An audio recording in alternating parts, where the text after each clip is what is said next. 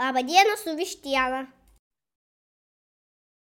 Tai sveiki, šiandieną premjera, iš tikrųjų pradedam antrą duomenų dėdės sezoną ir naujas formatas ir išbandom naujus dalykus. Tai šiuo atveju turim dvi pašnekovės. Tai tiek su Karolina, tiek su Urte mes pamanysim pakalbėti ir padiskutuoti apie um, duomenų rolės, um, kaip atrodo darbo rinka ir bendrai viską, kas susijęs su žmonių darbinimu. Bet aišku, prieš pradedant į pačią temą, tai visą laiką yra a, kaip smagu susipažinti su ko šnekam, nes realiai aš jas irgi matau pirmą kartą, tai per Zoom irgi. Tai, tai a, pradėkim gal tada nuo Karolinos. Tai papa, prisistatyk trumpai, nežinau, gali ir, gali ir plačiau, aišku. Tai žinok, Tomai, aš tave gyvai per Zoomą e, matau irgi pirmą kartą. Atpažįstu tave iš linkdino nuotraukos. tą, tą esu mačius daug kartų, bet tai, e, tai aš Karolina ir anksčiau dirbau atrankų agentūrose e, konsultantė, o dabar jau daugiau negu metus dirbu Oxilabs ir jau kaip personalo paieškos ir atrankų vadovė, komandos vadovė. Tai jeigu kas dar nėra girdėjęs apie Oxilabs, tai gal taip labai trumpai, kad mes dirbam su viešųjų duomenų rinkimo įrankiais, infrastruktūra verslo klientams.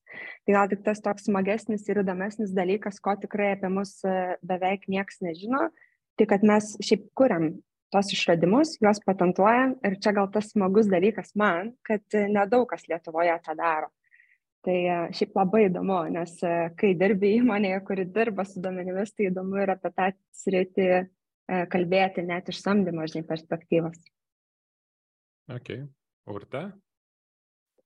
Tai taip, aš vis dar dirbu agentūroje, daug kas klausia, nes jau penki, penkeri metai kaip Alliance for Recruitment. Tai pastaruoju metu baigiau rekrūtant pati, baigiau kandidatams skambinėti, nes daugumai tikriausiai išklausančiai galbūt kažkada ir skambinau, nes labai nemažai laiko darbavausi būtent su data sritimi, man kaip tik labai patiko ir, ir gilintis, ir, ir kaip sakyt, sužinoti daugiau dalykų apie tą sritį, nes vėlgi nesam techniniai žmonės, tai prisilečiam tik tai iš tolo galbūt. Uh, Tai pastaraisiais metais e, dirbu kaip recruitment lydas. Tai yra turiu, turiu komandą, e, kuriai padedu samdyti ir, ir pa, ne tik komandų paieškoje, bet gal ir dar daugiau su tokio bendravimo su samdančiais vadovais turim artimesnį. Okay. Na, tai kaip supratot, bus pokalbis uh, įdomus ir iš dviejų skirtingų pusių. Tai vienas iš agentūros pusės, o kitas iš uh, būtent į įmonę samdot, kai įmonės viduje ieško žmonių. Tai uh, ką aš pats pastebėjau iš tikrųjų, kad uh, bent jau žiūrint į skelbimus, kas vyksta, tai iš tikrųjų duomenų srities tų skelbimų tai labai išaugo. Ir jau pastaruosius kokius 2-3 metus, man atrodo, tas augimas yra. Nežinau, uh, Ar e, čia tik man taip atrodo, ar iš tikrųjų yra taip Lietuvoje? Ar šiaip gal kažkokių mato tendencijų, kažkokių naujovių atsirandančių rinkoje? Tai galiu pasidalinti, nes na, bendrai e, mano požiūris į rekrutmentą yra toksai, kad e, iš dalies rekrutmentas tikrai nėra menas, o tai yra mokslas ir jis lygiai taip pat pagrystas duomenimis. Tai vat, būtent ta proga, kad e, Tomai domėjasi, tai peržiūrėjau mūsų pastarųjų metų samdymo duomenis e, ir tikrai matau, kad e, iš esmės rinka stabiliai kaista, tai yra vis daugiau pasiūlymų įvairių ir na mes turim tuos e, tam tikrus ro rodiklius kurie parodo arba atrankų sveikatą arba tiesiog kas dedasi. Vienas iš jų yra toksai vadinamasis high ratio iš kiek kandidatų mes pasamdom vieną. Ir lygiai taip pat tas vadinamasis offer acceptance ar ne? Tai yra kiek pas e, kiek procentų kandidatų priima pasiūlymus tada kai mes juos pateikiam ir pastaruoju metu šitie skaičiai tikrai veda į tą pusę, kad kandidatai matosi, kad tikrai dažnai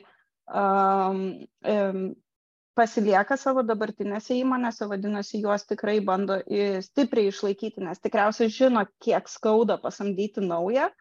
Ir lygiai taip pat, kad kandidatai tikrai turi daug pasirinkimo, kur darbuotis, ką veikti, kas jiem yra įdomu.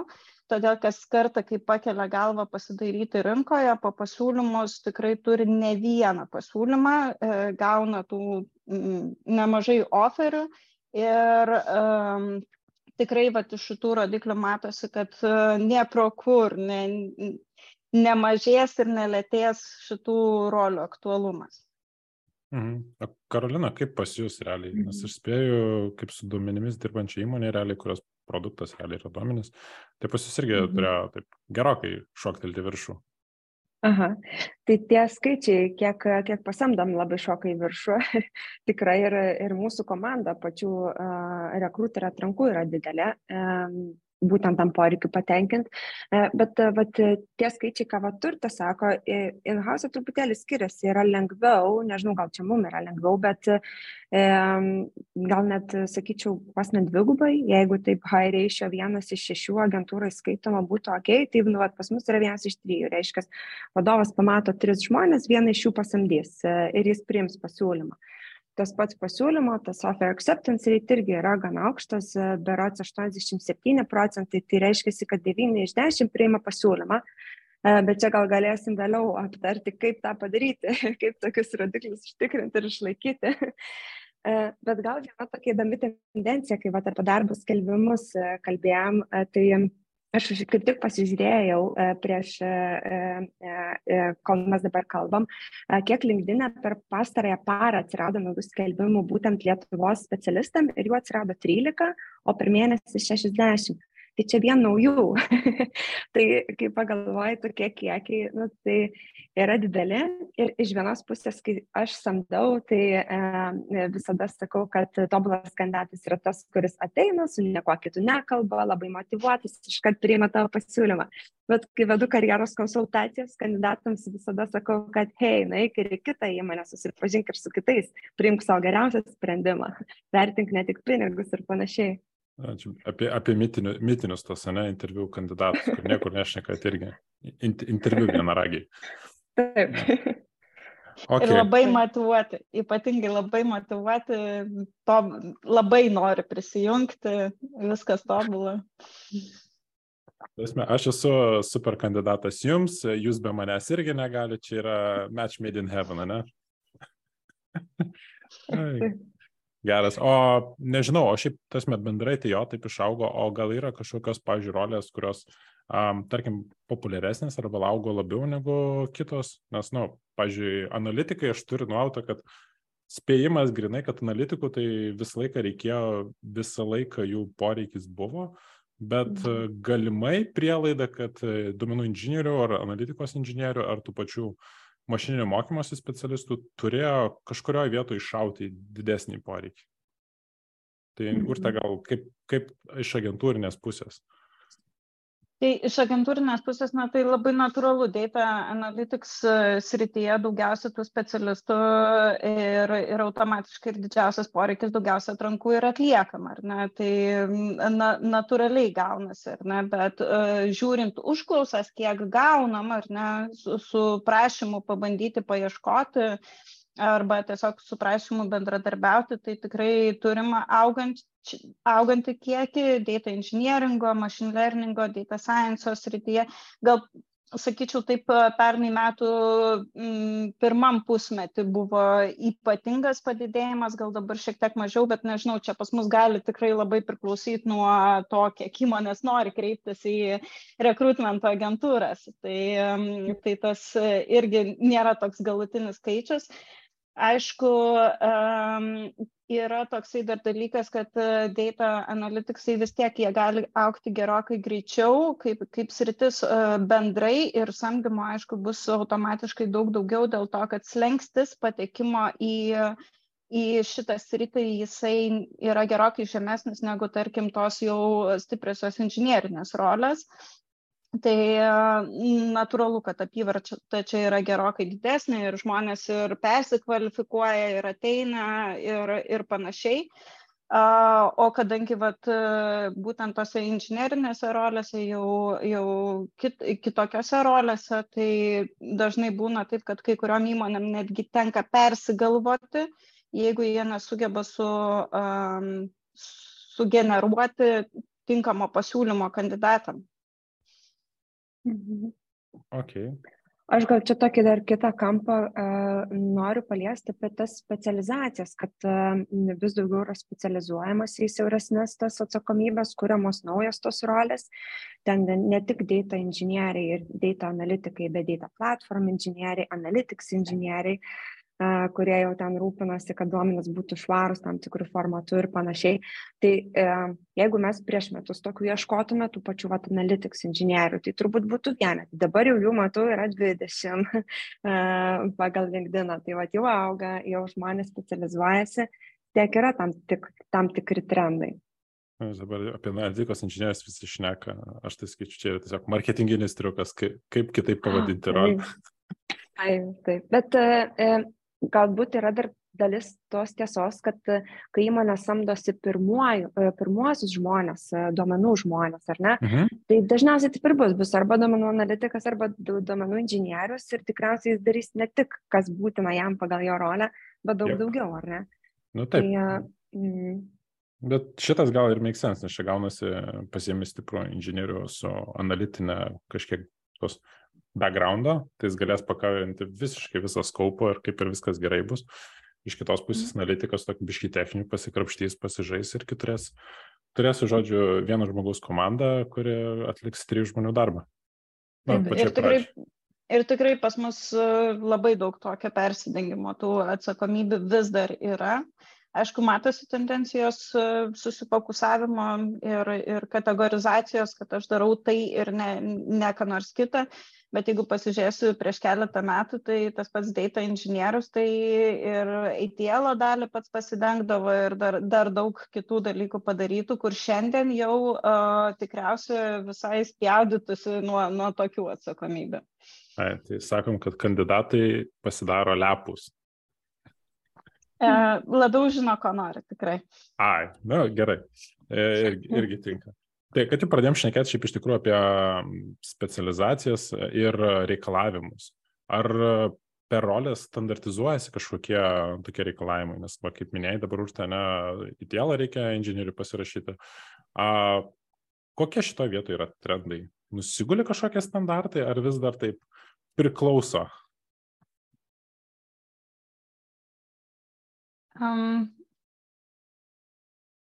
vis dėlto labai priklauso nuo, nuo to, kokia yra įmonė, kokia, kokiam lygiai pas juos yra išvystyta šita tema, ar mes turim, pavyzdžiui, užsienio investuotoją, kuris ateina iš labai didelio skeilo ir jis jau turi viską susetapinta ateičiai ar ne ir, ir panašiai bet uh, tikrai turim ir tokių, kurios žino, kad uh, data yra labai svarbus dalykas, mes čia galim pasidaryti projektą, labai įdomu, labai pelningai iš dėtos ir taip toliau ir panašiai, bet jeigu tai yra pirmieji žmonės, vat, kaip ir Karolina sakė, tai tada tikrai one man band uh, yra ieškomas ir daromas. Ir dauguma mūsų vat seniorų visų tikrai yra praėję pro pro visko matė, na, tiesiog visko matė, praėjo, išbandė ir taip toliau vien dėl to, kad teko.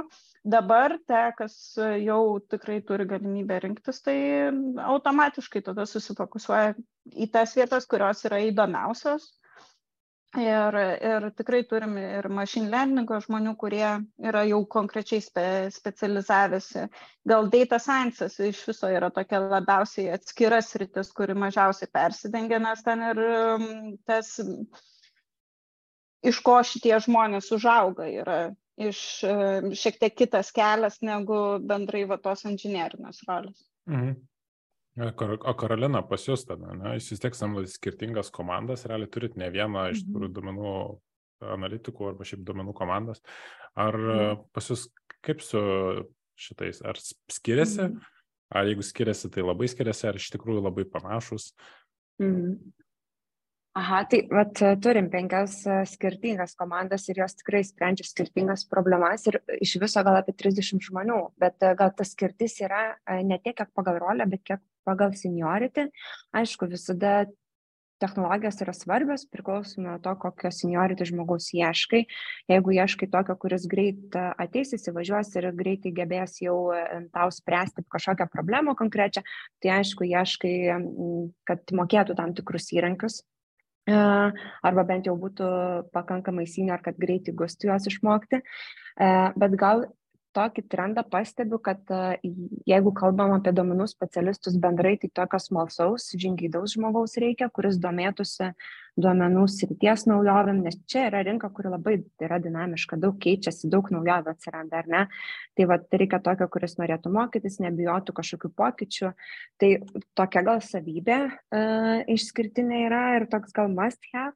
Ir dar gal vieną išskirčiau e, apie tokią komunikaciją. E, sakyčiau, kad kokiam domenų analitikam tai čia yra pati svarbiausia e, savybė ir kompetencija, tokia gal labiau softinė, gebėjimas taip glaustai, struktūruotai kalbėti apie verslo problemas, pateikti atsakymus verslui ar ne.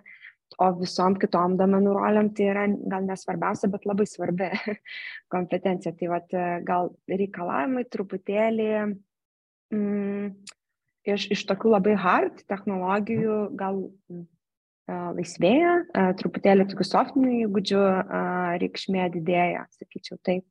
Okay. Kad jau užsiminė apie smalsumą, nu, visą laiką visi sako, labai svarbus smalsus žmogus, kai Aha. kaip identifikuoti per pokalbį, ne, kad kandidatas arba žmogus yra smalsus.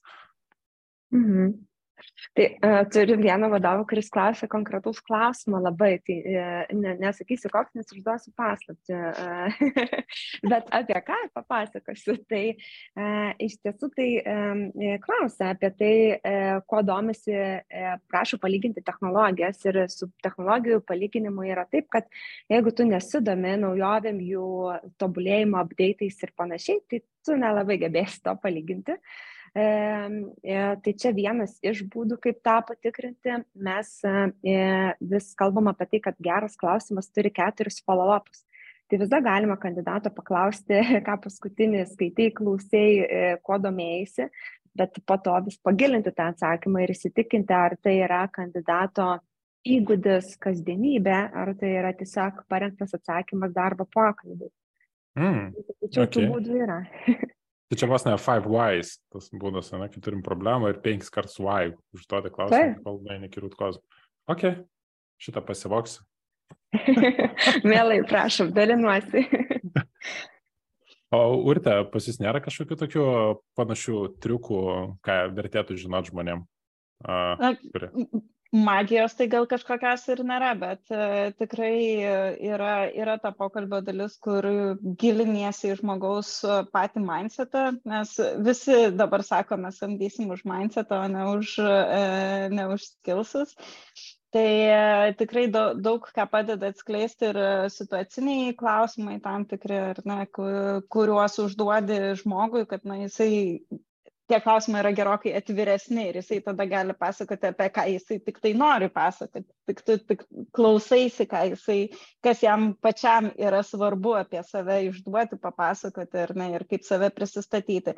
Ir kaip Karolina sakė, labai pritarsiu, kad tiesiog e, kartais būna taip, kad e, na, atsakymas į klausimą nuskambėjo ir tada tau kyla tas noras taip giliau, giliau, giliau šiek tiek Um, ir tada greitai, greitai gali pamatyti, kur, kur baigėsi tas, uh, tas gilumas. Tai um, tikrai, tikrai dažnai būdavo taip, kad uh, pokalbis, tarkim, trunka valandą, o mes 15 minučių kalbame apie knygas arba, arba ką žiūri, ką veikia ar ne ir panašiai, vien todėl, kad labiau suprasti žmogaus vidinės motivacijas ir, ir kas jį veža.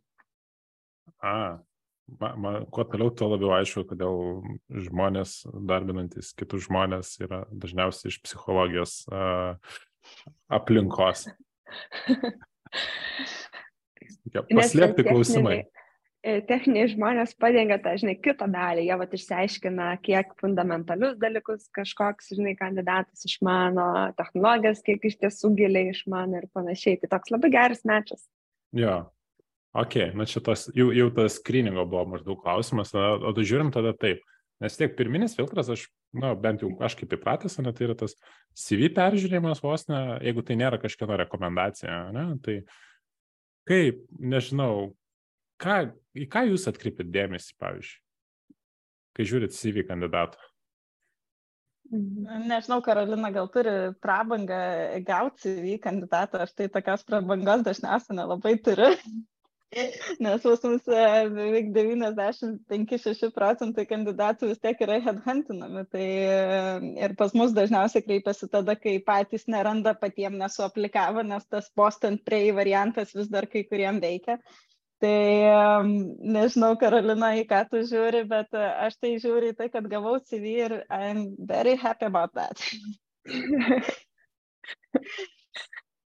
um, gal kiek prabangos, bet e, kai headhunting, vis tiek peržiūri profilį, ar ne? Tai vad gal tos tie dalykai, kuriuos e, kreipiam dėmesį, tai aišku yra pirmas dalykas tai technologijos e, įrankiai su kuriais yra dirbęs kad ir tai galbūt nėra key reikalavimas bet tai yra lengviausiai pamatoma informacija, mažai, mažai laiko užtrunka, labai, labai greit galima pamatyti, e, bet tuo pačiu įmonės pačias industrijas, ar ne, jeigu dirbęs e, žmogus visą laiką enterprise, ne, tai tikriausiai bus dirbęs su Microsoft e, įrankiais, ar ne, jeigu yra iš greitai naujos, greitai augančios kažkas naujos kompanijos, tikriausiai jau bus klaudą pačiupinėjęs. Tai yra tam tikrų tendencijų, dalykų, ką pasižiūrėti, tas ateina ir su patirtim. E, tikriausiai, kuo daugiau tokių žmonių prasisuka tavo pokalbiuose atrankose, kuo daugiau jie apie save papasakoja, tuo tu daugiau žinai. Mhm. Uh, bet, pavyzdžiui, mums dar vienas labai svarbus dalykas ir didelis privalumas, uh, kalbant apie industrijas, tai ar tas kandidatas dirbęs uh, um, su software as a service, ar ne, toj sąsniai, vadinkim, rinko industrija, ar ne, tai tada labai E, lengva su juos susikalbėti, iš pirmų pokalbių jauti, kad supranta tavo biznio problemas, e, ypač vat analitikus samdant.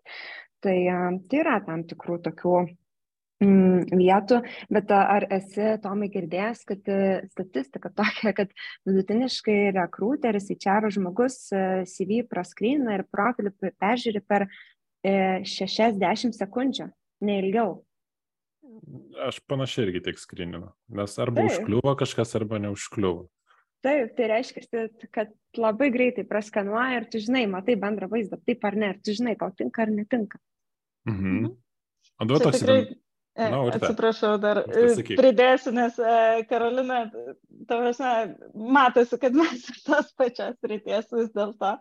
Nes tikrai, tikrai e, su tas 30 sekundžių, jeigu pamatytumėt rekruterį, kuris, na, tarkim, E, varto LinkedIn profilius, tai patyrusiam, tarkim, žmogui, kuris jau kurį laiką dirba tam tikros e, srity, tai užtenka penkių sekundžių žiūrėti LinkedIn profilį, kad atskirtum, nors kartais tie vadinamieji job titlai ir ne tai, ką mes užsidedam, kas mūsų pozicijos e, pavadinimas yra, jie dažniausiai po jais gali slėptis be, bet kas. Labai, labai daug skirtingų dalykų. Tai tikrai, tikrai juda greitai šitas dalykas. Ir e, aš visada vat, savo kandidatam, kai klausia, jeigu ruošti CV, e, tai visada sakau šitą taisyklę, kad aš per 30, maks 30 sekundžių arba net 10 sekundžių su, turiu suprasti, kas tu ir ko tu nori, ko tu sieki. Okay. O kaip tada profilis savo, pažiūrėjau, turi, turi du vienodus kandidatus, ne ta pati įmonė, plus minus tos pačios pareigos, ne. Ar yra kažkoks akcentas, ką padarius, ne, šiek tiek ilgiau užlaikyti dėmesį? Ar jau ant tiek akis įgudusios, kad uh, jau, jau, nebe, jau nebeapgaus? E, turbūt išskirtinis dalykas, ko dauguma vis dar nedaro, tai yra tas apie mane kažkoks aprašymas. E, dauguma jį sudėlioja labai tokį generik, lyg būtų va, tas čatas. Čia GPT. Taip, atsakęs ir sugeneravęs atsakymą. Tai, tai va, tikrai iš nuo pat pradžių skaitat matosi, kad tai nėra žmogus parašyta ir taip praskipini. Tai va, kuo išsiskirti, tai apie save parašyti. E, aš tai ir karjeros konsultacijų metu rekomenduoju vis dar parašyti, kokią vertę kurtų tas žmogus įmoniai, e, kokią vertę jisai atneštų ateidamas, prisijungdamas prie tos įmonės, kokią problemą spręstų, e, nes iš esmės biznis dėl to samdo žmonės. Tai ypač turbūt aktualu tiem, kurie nori išsiskirti, kurie persikvalifikuoja, nori patekti į tą rinką. Um, Ok, aš galvoju, niekas tos about me dalies neskaito. Aš visada paskaitau, man čia yra vertingiausia dalis. Okay. Jeigu parašyta nuoširdžiai. Aišku. Jeigu parašyta. Ja, Mhm. taip. Ok. O šiaip mane min- minėjote būtent tą apie mane dalį, ne, apie, kad suprasti eitų. Dar man visą laiką kyla klausimas. Nuotraukas CV. Už, prieš, e, dėt, nedėt, kokio dydžio dėt ir kaip. Ar, tas, ar tai daro bendrai kažkokią įtaką ar ne?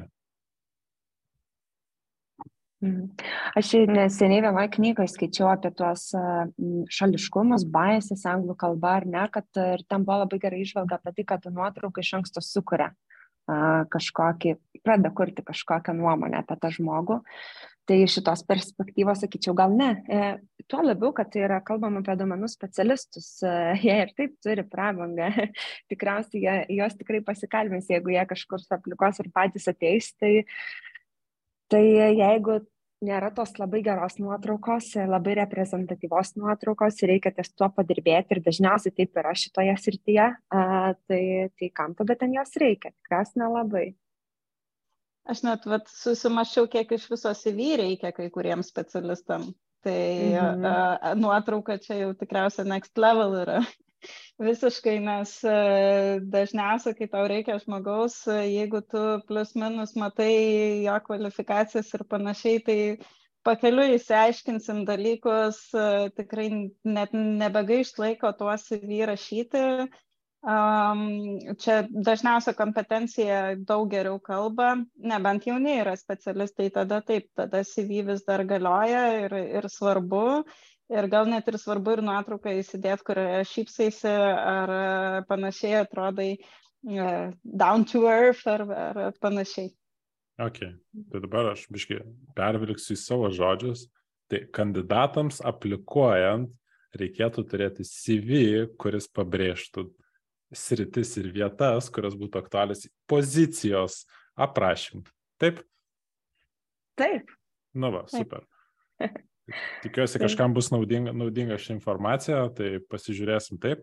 Tai gerai, jau screeningą praėjom, apkalbėjom truputėlį apie klausimą, apie smalsumą, bet natūraliai būna šiaip daugiau visokių klausimų a, per tos pačius darbo pokalbius. A, nežinau, va šitą vietoj, kaip kiti daro, ne, tai yra dažniausiai kai kurie, šiaip girdėjau, kad ruošiasi iš tikrųjų tiem patiems interviu, skaito apie įmonės, a, šiaip daro šiaip pakankamai nemažą research iš tikrųjų, kad įsivertintų, kas kaip a, arba žmonės dar irgi pastokina, pasižiūri, ką jie veikia, kas tokie gal pažįsta, ne yra. Gal kažkokiu turit pasiūlymų arba pastebėjimų apie tos pačius darbo pokalbius, ko vengti, ko nedaryti, arba priešingai, ką verta daryti ir kas iš tikrųjų priverčia atkreipti dėmesį. Lengviausia tai ko nedaryti. Tai pradėkime Bet, ko nedaryti. E, Bet yra vienas toks aspektas ir tendencija, kad mm, na, mes CV reikia suprasti, kad vadinam ir tos linkdino profilius. Jeigu tvarkingas linkdino profilis, tai yra puikus CV ir akis yra įgudus skanuoti tą linkdino profilį, tai win-win situacija. Bet uh, tendencija yra tokia, kad uh, nurodoma kokių 15-20 technologijų. Žmogus turi du metus, bet tiek visokių e, įrankių yra nurodyta profilyje. Tai gal tokia rekomendacija, kad įsirašyti tik tuos, kurios tikrai išmano žmogus. Tai e, kandidatas išmano ir galbūt kažkur atskirai paminėti su tais, kuriais yra susipažinęs. e, Ir čia turbūt senioram galbūt yra išimtis, gal jie tikrai tų 15 įrankių yra pačiupinėję per visą savo patirtį, tai turbūt šita, šita taisyklė negalioja. E, Nes vis tiek visų tų pokalbių, tolimesnių pokalbių metu yra kalbama apie tos įrankius ir, ir jau tada kalbama dažniausiai su techniniais žmonėmis, kiek, kiek čiupinėja, kiek išmano, kaip giliai, tos, kokios gilios tos žinios yra. O dar gal vienas toks e, įdomus e, dalykas, bet apie tą pasiruošimą. Taip, ruošiantis, e, e, reiktų ruoštis, reikėtų skaityti, domėtis apie įmonę ir, ir, ir produktą ir galvoti klausimus. E, Bet e, su kuo susiduriu su tuo, kad e, kartais bijoma paklausti arba galvojama, kad čia mano tas klausimas bus kvailas. E, Arba bijoma perklausti, nors yra iš tiesų atvirkščiai, ypač samdant domenų specialistus, jeigu kandidatas perklausė ir jisai bando išsigryninti klausimą, kad tinkamai jį suprastų, jis parodo savo kompetenciją, kad gebės bendrauti su bizniu, gebės išsiaiškinti poreikį, problemą ir panašiai. Tai va čia toks gal paneigimas klausytėm kandidatam, kurie, kurie klausys, kad klaustų, nėra ta kvaila klausima ir kuo daugiau jų yra, tuo yra geriau iš esmės. Aš labai pritarsiu Karolinai šitoje vietoje, iš tikrųjų ir aš savo kandidatam, nes, na, vis tiek mes visada sergam už juos ir ne, kad pasirodytų gerai iš, iš tos išorinio e, rekrutmento konsultant, e, konsultanto pusės. Tai tikrai, jeigu matydavau, kad žmogus šiek tiek užsidaręs labiau e, klausant klausimus, tai netgi rekomenduodavau pasirašyti 50 klausimų apie įmonę, apie projektą, apie technologijas, verslo logiką ir, ir panašiai, nes, na, dalį natūraliai atsakys E, vadovas prisistatydamas arba pristatydamas savo įmonę ir tiesiog, kad bent jau turėtų ir pokalbis nesibaigtų tuo, kad e, ar, ar turėtumėte kažkokį klausimą ir kandidatas atsako ne. Nes tada ir, ir motivacija labai puikiai kandidato atspindi. Jeigu žmogus turi noro kabintis giliau ir, ir suprasti giliau, tai vadinasi, na, yra tikrai labiau motivuotas, nes jis jau stengiasi atsistoti į tuos batus ir, ir pasimatuoti juos um, darbui toje konkrečioje įmonėje.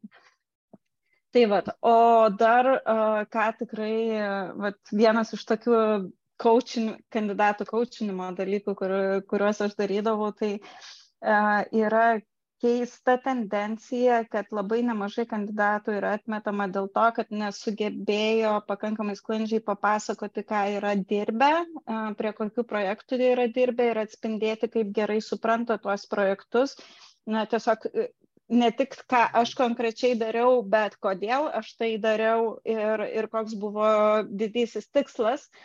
Tai e, tikrai labai dažnai yra atmetami kandidatai dėl šito dalyko, dėl, dėl to aš savo kandidatams dažnai sakydavau, kad kai važiuoji mašina arba troleibusu arba stovi duše, pabandyk trumpai keliais sakiniais papasakot, kas tu esi.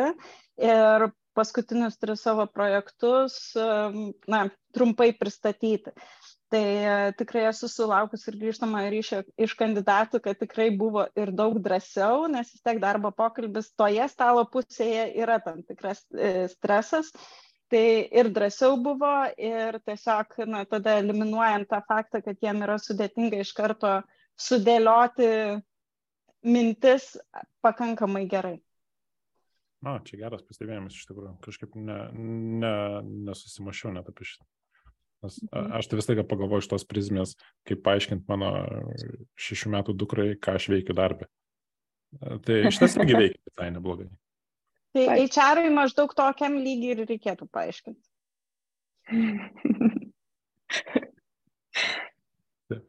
Ok, gerai. Na, tada ne, apie šitą pašnekėm apie bendrai, ne, darbinės tą procesą, spėjau, dažniausiai būna vis tiek ir techninės kažkokios užduotys patikrinti gebėjimus. Ar tai yra dažnas pastaikantis uh, urte pas jūs?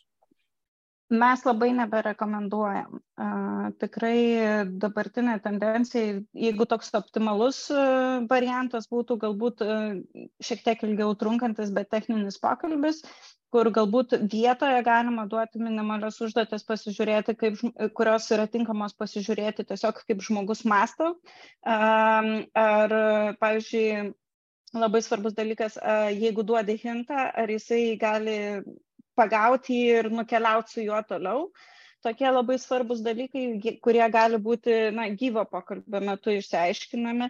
Tuo tarpu na, mes dauguma tikrai esam užimti žmonės ir įsiplanuoti tas namų darbų užduotis į savo tvarkaraštį, juo labiau, kad norim rūpinti savo gyvenimo balansų tam tikrų tarp darbo ir, ir, ir asmeninio gyvenimo. Tai yra tikrai labai sudėtinga ir jeigu pasižiūrėjus atranką su užduotimi ir atranką be užduoties, tai tikrai nemaža dalis kandidatų tiesiog numos ranka ir, ir ties užduotim nebetęs proceso, jeigu tiesiog jų pakankamai nesudomino, e, pavyzdžiui, tas, na, į, į, pirmas pokalbis. Tai um, visada labai rekomenduojam vengti. Jo labiau tos užduotis dar yra labai na, reikalinga, kad tos užduotis būtų ir įdomios.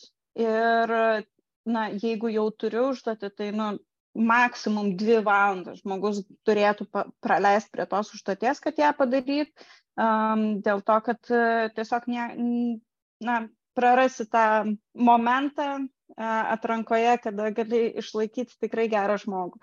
Nes jo nori šešios įmonės, septynios įmonės ir panašiai, kitas užduoties neturės ir, ir važiuoja bet kai kurie samdantis vadovai e, man dažnai kartoja, kad, nu, jeigu užduoties nepadarė, tai buvo nepakankamai motivuotas. Bet uh, gali būti ir labai daug kitų veiksnių, kurias lemia tai, kad jie kandidatai arba padaro užduotis, arba nepadaro. Tai yeah. tiesiog būtų disat, e, na, trūkumas atrankoje turėtų užduoti ir papildoma vieta, kur prarandam kandidatą. Aš šiek tiek juokiuosi iš tikrųjų fanų, nes aš tai visą laiką žiūriu, kad techninė užduotis bent jau leidžia objektyviai vertinti žmogaus sugebėjimą. Ir čia taip, mhm. mane iš šuns dienos taip iš karto išdėjo. Ah, nu gerai, gerai. Tai, tai ne, nesikreipsi dėl rekrutmento paslaugų, ar ne? ne. Karolina, pusės yra užduotis ar ne? Žinok, mes turim, kai kur turim užduotį, kalbant apie duomenų specialistus, daug kur šiaip turim užduotį, bet e, aš vis dar klausiu, kokia ta užduoties e, prasme ir tikslas. Jeigu tai yra užduotis e, su tikslu atmesti kandidatą, tai tikrai ne, bet jeigu tai yra užduotis, kuri vėliau duoda medžiagos aptarti ir apie kažką diskutuoti, tai labai gerai, nes tai yra daug lengviau ir kandidatas daug geriau pasirodo, mažiau stresuoja ir, ir tiem, kurie veda interviu, pokalbį techninį, yra daug lengviau pamatyti, vat, kaip ir Urte sako, kaip e, reaguoja, už, e, pagauna kažkas užuominas ir panašiai. Tai turbūt labai priklauso kokia, kokios trukmės, kiek įdomi e, ir koks tikslas turbūt taip. Tai e, truputėlį paguosiu, Tomai, viskas gerai. Gerai, gerai, gerai. Aš su to pačiu tikslu irgi. Turim namų darbą, o paskui mes aptariam ir paklausim, o kodėl taip darai, ką būtum kitaip darę. Tai gerai, tai nėra taip blogai, kaip iš, kaip iš pradžių buvau nusteikęs čia po tokių pokalbių.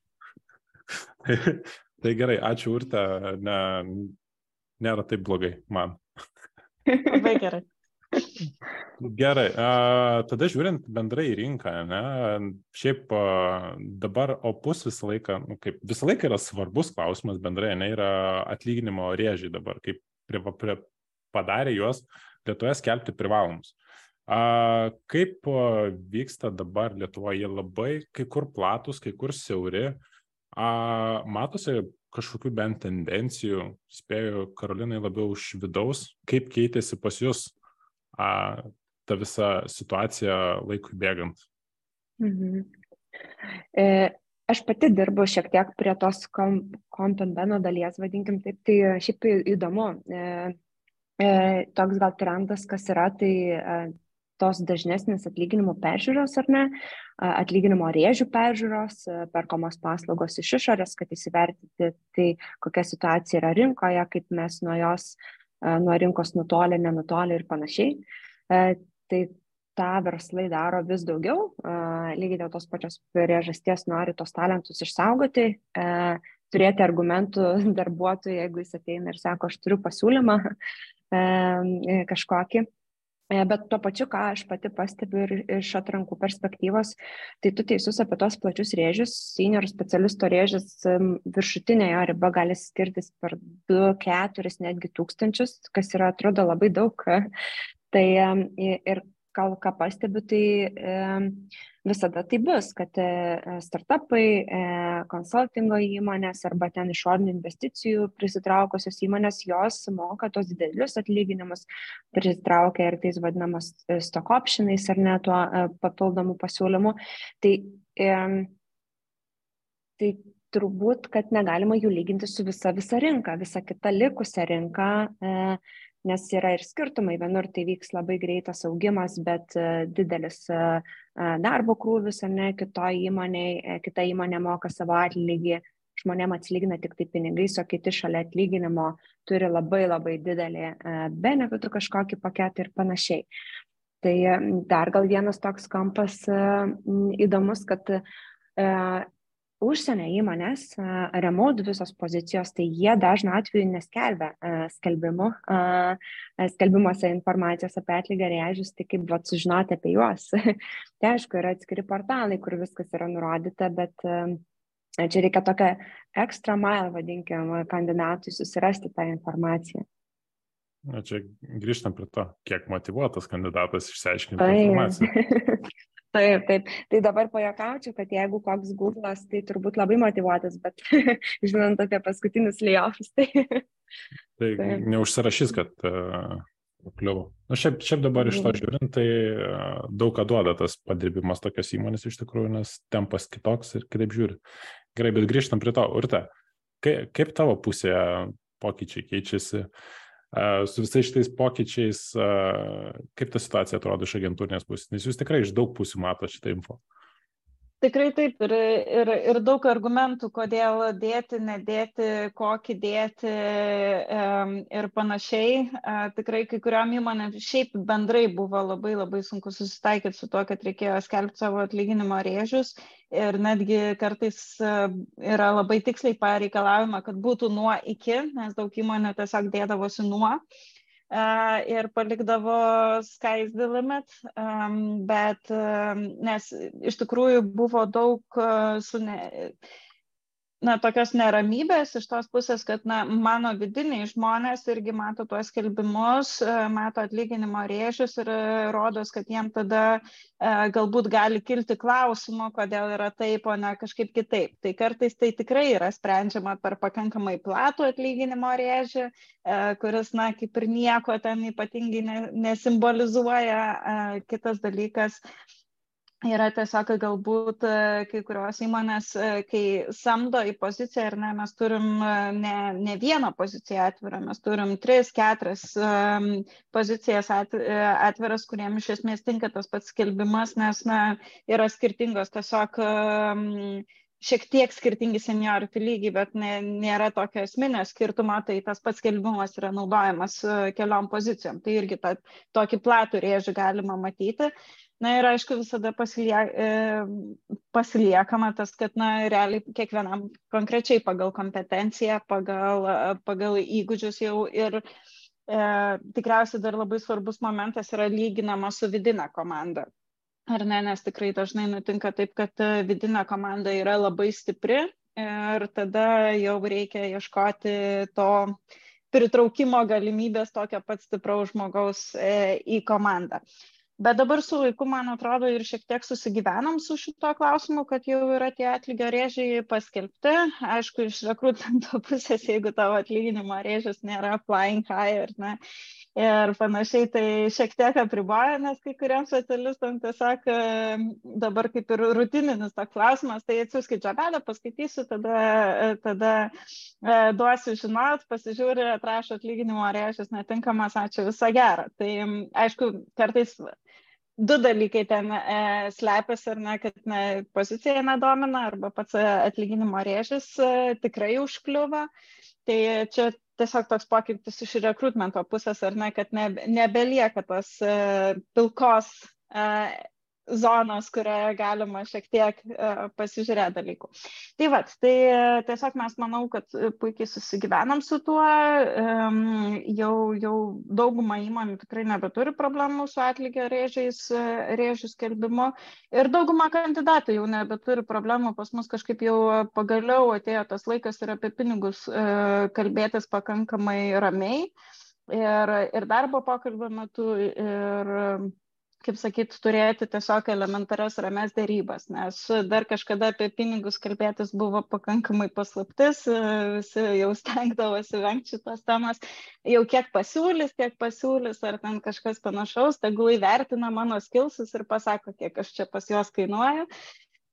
Bet, bet dabar jau panašu, kad pasidarė normalu tiesiog pasakyti, kad, na, tarkim, nu, mano dabartinis atlygis yra maždaug tiek, 10-15 procentų daugiau norėčiau. Ar ne, kas 10-15 procentų yra labai normalu keičiant darbą, jeigu tai yra, na, žingsnis į priekį kažkiek. Mm. Ok. O tada važiuojant pirmin su visais ekonominiais neapibrieštumais, ne, tai kaip manot, kaip šita situacija gali keistis, nežinau, po kelių metų? Pa, pafilosofuokit. Karolina, samdysit? Mes tai samdysim. e, taip.